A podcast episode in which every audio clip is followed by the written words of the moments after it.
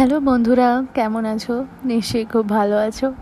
আমি আরও একবার তোমাদের বন্ধু মধুরিমা হাজির হয়ে গেলাম তোমাদেরই প্রিয় অনুষ্ঠান, নিজেকে ভালোবাসো তুমি এবার নিয়ে। এখন চারিদিকে বৃষ্টি পড়ছে, একটা অদ্ভুত ওয়েদার সুন্দরও বলা যায়। আর এই সময় সকলেরই কোথাও গিয়ে একটু মন খারাপ, কোথাও গিয়ে একটু যেন অজানা কারণে মন খারাপ হচ্ছে। আমারও তো হচ্ছে।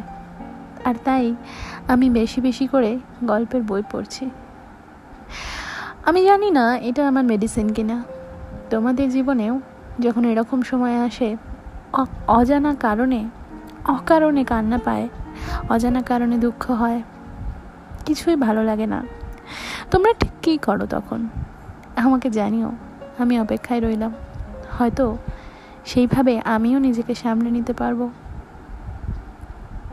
তাই ভাবলাম আজকের এপিসোডটা আমি একটা ছোট গল্প দিয়ে শুরু করি। ঠিক প্রেমিক প্রেমিকার গল্প কিনা জানি না, তবে বৃষ্টির দিনে একটা মন কেমনের গল্প।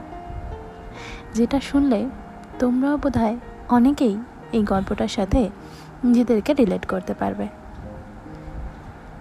ছেলেটি একজন সেলিব্রিটি নায়ক এবং বেশ পরিচিত মুখ।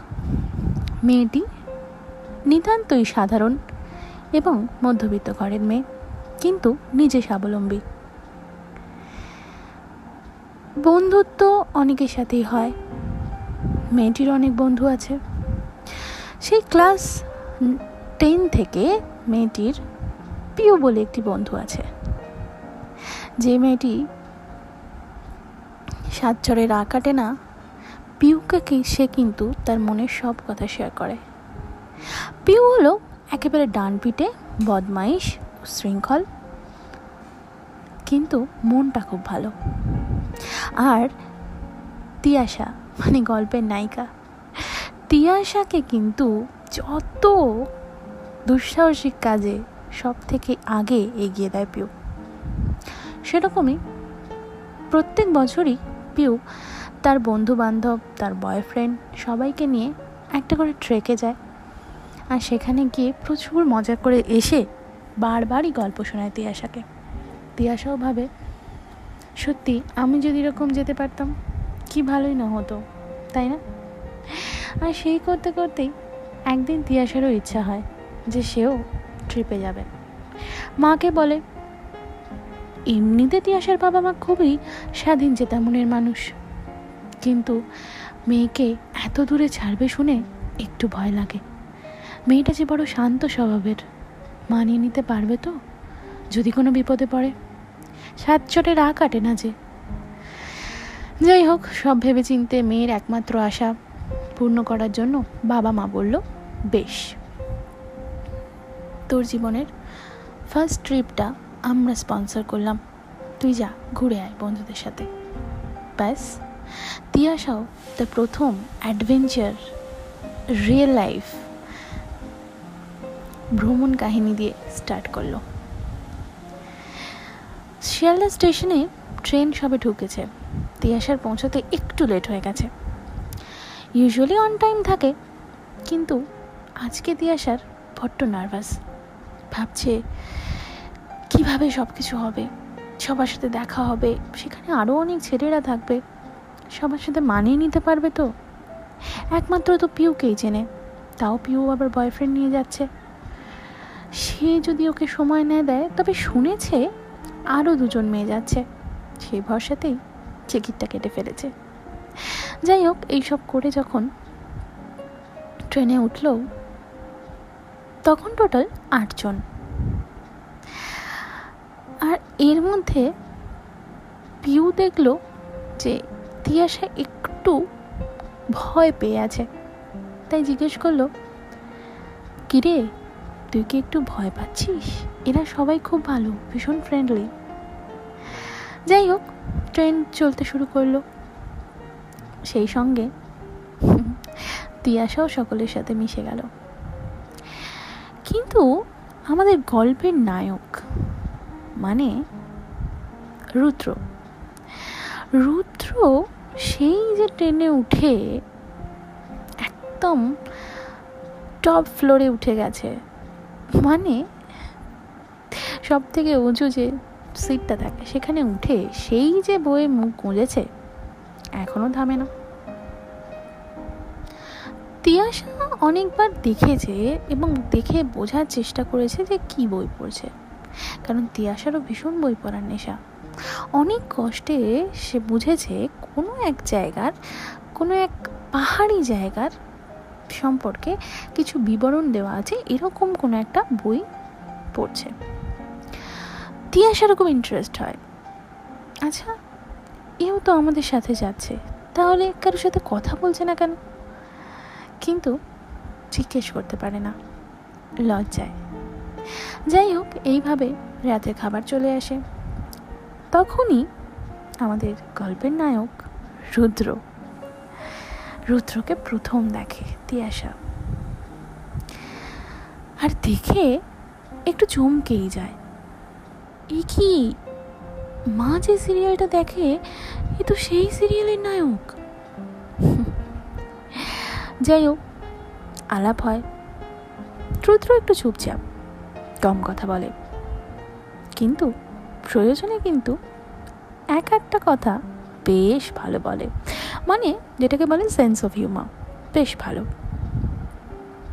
এভাবে চলে যায়, পরের দিন তারা ভুটান যাবে আর সেই কারণে স্টেশনে নামা। স্টেশনে নেমে সেখান থেকে বেশ কিছুটা রাস্তা যেতে হবে গাড়িতে করে, আর তার জন্য গাড়ি বুক করবে। এই মুহূর্তে হঠাৎ করে রুদ্র বলে ওঠে আচ্ছা আমরা যদি এখান থেকে বাইকে করে সবাই যাই, কেমন হয়? ব্যাস, সেটা শুনেই বাকি ছেলেরাও তো ভীষণভাবে উৎসাহিত এবং মেয়েরাও অনেকেই ভীষণভাবে এক্সাইটেড হয়ে গেল। তিয়াসার মনে কোথাও একটা ভয় কাজ করছিল যে সে কার সাথে যাবে? পিউ তো গাড়ি চালাতে জানে না। পিউ সাহস যোগায় যে এখানে সবাই খুব ভালো। এমনকি এটাও বলে যে সে তার বয়ফ্রেন্ডকেও নাকি তার সাথে শেয়ার করতে রাজি আছে। মানে এটুকু রাস্তা সে তার বয়ফ্রেন্ডের গাড়ি করে যেতে পারে। তিয়াসা একেবারেই নিঃসংকোচে জানায়, একেবারেই সে যেতে চায় না। যাই হোক, সবাই যখন কিঞ্চিত এদিক ওদিক করছে, রুদ্র আসে। বলে, আপনি তো ট্রেকিং করতে ভালোবাসেন, তাই তো? তিয়াসা অবাক, সে তো জীবনে কোনোদিন পাহাড়েই আসেনি। বলে, না। রুদ্র আবার বলে, আপনি তো পাহাড় ভালোবাসেন, তাই না? দিয়াশা বলে হ্যাঁ ভালো লাগতো পাহাড়, কিন্তু কেন? তাহলে আমার সাথে গাড়ি করে চলুন। পাহাড়টাকে নতুন করে চিনবেন। তিয়াসার এক মুহূর্তের জন্য ভয় হলেও, কেন জানি না, হঠাৎ মনে হলো তার ভরসা করা যায়। যাই হোক, অনেক কষ্টে রাজি হয়ে তিয়াসা প্রান্তিকের সাথে ডিনাই করে মানে পিউয়ের বয়ফ্রেন্ড প্রান্তিকের সাথে ডিনাই করে, শেষ পর্যন্ত রুদ্রের বাইকে চেপেই ডেস্টিনেশনে পৌঁছালো। সেখানে গিয়ে সেদিন রেস্ট, তারপরের দিনে তাদের ভুটান যাত্রা শুরু হবে। এইভাবেই চলল। বেশ কয়েকটা দিন হাসি খুশি অবস্থায় কাটছিল। ঠিক সেই সময় রুদ্র কোথাও গিয়ে যেন বুঝতে পারল সাথে হয়তো অনেকটাই মিল আছে তিয়াসার আর সেটা ভাবতে ভাবতেই সে একটা প্রপোজাল দিল তিয়াসাকে তিয়াসাকে বলল আচ্ছা তুমি কি আমার সাথে একা একটা ট্রিপে যাবে? তিয়াসাও বলল, যেতে পারি, তবে একা কেন? রুদ্র বলল অ্যাডভেঞ্চার করতে গেলে একা যেতে হয়। সবাই থাকলে অ্যাডভেঞ্চারটা নষ্ট হয়ে যায়। এই বলে যখন সবাই অন্যমনস্ক, তখন তিয়াসা আর রুদ্র চলল পাহাড়ি পথে তাদের সেই ফেভারিট মোটর বাইক নিয়ে। চলল বিভিন্ন জায়গায়, বিভিন্ন পাহাড়ে ঝর্নার ধারে, নদীর ধারে অনেক অনেক জায়গা ঘুরলো সারা দিন ঘুরলো।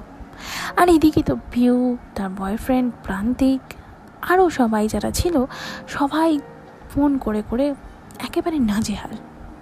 পিউ তো ভাবতে শুরু করল, যদি কাকিমা ফোন করে মানে দিয়াশার মা ফোন করে, তাহলে কি উত্তর দেবে? আর ঠিক সেই সময়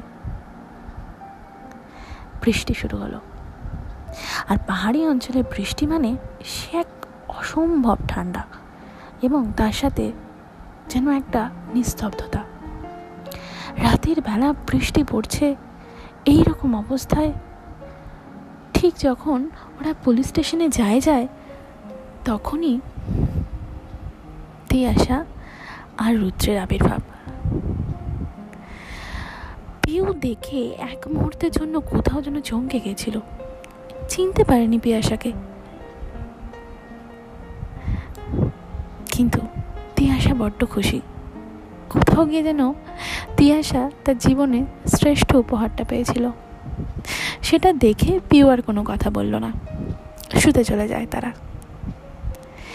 পরের দিন সকালবেলা ঘুম থেকে উঠতেই রুদ্রের ঘরে নখ রুদ্র দরজা খুলল। খুলতেই পিউ বলল, এক্ষুনি এসো। তাড়াহুড়ো করে পিয়াসা ঘরে গেল। রুদ্র কে দেখল জ্বর আর রুদ্রের তখন বেশ ভয় লাগল। এখানে পাহাড়ি জায়গা, তার মধ্যে নেটওয়ার্ক নেই, তার মধ্যে কীভাবে কী সব হবে কিছু বুঝতে পারল না। যে ছেলেটা কোনো দিন তার নায়িকাদের পাত্তা দেয়নি, সেই ছেলেটা হঠাৎ করে সারা দিন, সারা রাত জেগে সেবা করে গেল মেয়েটার। আর আরও একবার তার মনে হলো তিয়াসা তার জন্য পারফেক্ট এইভাবেই গল্পের নায়ক নায়িকা মনে মনে বোধ হয় কোথাও দুজনকে দুজনে দুজনকে ভালোবাসতে শুরু করেছিল। আর তারপরেই তাদের একটা রিয়েল লাইফ লাভ স্টোরি শুরু হলো। কেউ কাউকে এই ট্রিপটাতে বলতে পারেনি ঠিকই, কিন্তু ফেরার পথে ট্রেনে যখন সবাই ঘুমিয়ে পড়েছে, রুদ্র পাশে এসে বসল।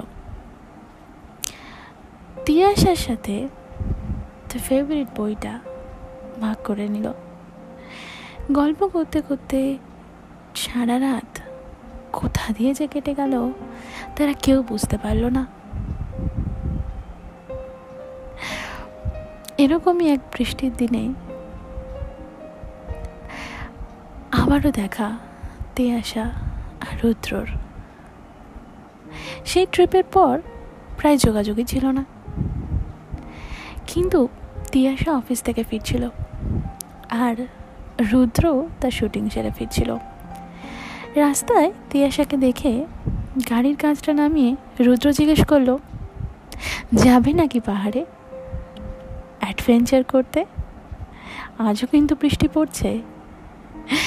তিয়াসার মুখে একটা অদ্ভুত আনন্দের হাসি। এই দিনটার জন্যই তো অপেক্ষা করছিল। সেই অদ্ভুত ভালো লাগা সেই অদ্ভুত বন্ডিংটা তো মিস করছিল। এইভাবেই তাদের লাভ স্টোরিটা আরও একবার শুরু হলো। অ্যান্ড এটা কন্টিনিউও হলো। তারপরে কি হলো, সেটা না হয় আর একদিন বলব। আজকে তো বৃষ্টির গল্প বলব বলেছিলাম। বলেছিলাম না এক মন কেমনের গল্প? যখন স্টেশন থেকে নেমে তিয়াসা একদিকে আর রুদ্র আরেকদিকে চলে যাচ্ছিল, সেদিনও বৃষ্টি পড়েছিল। আর সেই বৃষ্টিতে যেন কোথাও একটা মন খারাপে সুর ছিল আর তারপর চলতে থাকল তাদের ভালোবাসার এক নতুন গাড়ি। আরও একবার তিয়াসা আর রুদ্রকে নিয়ে নিশ্চয়ই আর একদিন ফিরে আসব। আজকে রইল তোমাদের জন্য এই সুন্দর একটা মিষ্টি গল্প। নিশ্চয়ই তোমরা আমাকে জানাবে কেমন লাগল তোমাদের আজকের গল্পটা। আসলে কখনো কখনো এই গল্পের চরিত্রগুলো আমাদের জীবনে সত্যি হয়ে ফিরে আসে। আর সত্যি কথা বলতে কি, তখন না নিজেকে রিলেট করা যায় এই গল্পগুলোর সাথে।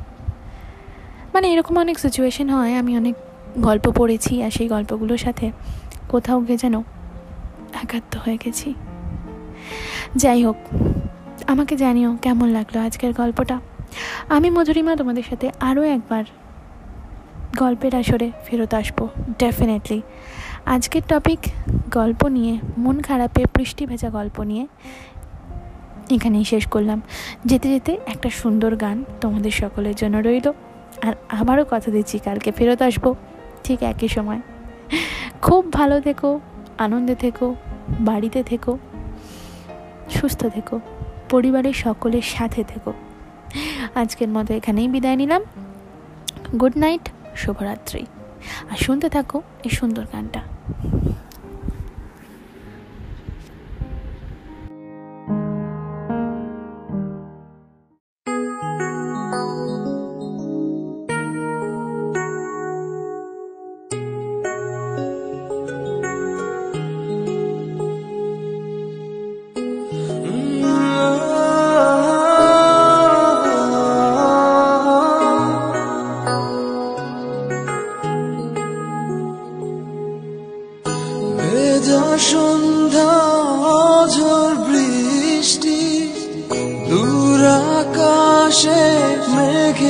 প্রতিধ্বনি বাদলে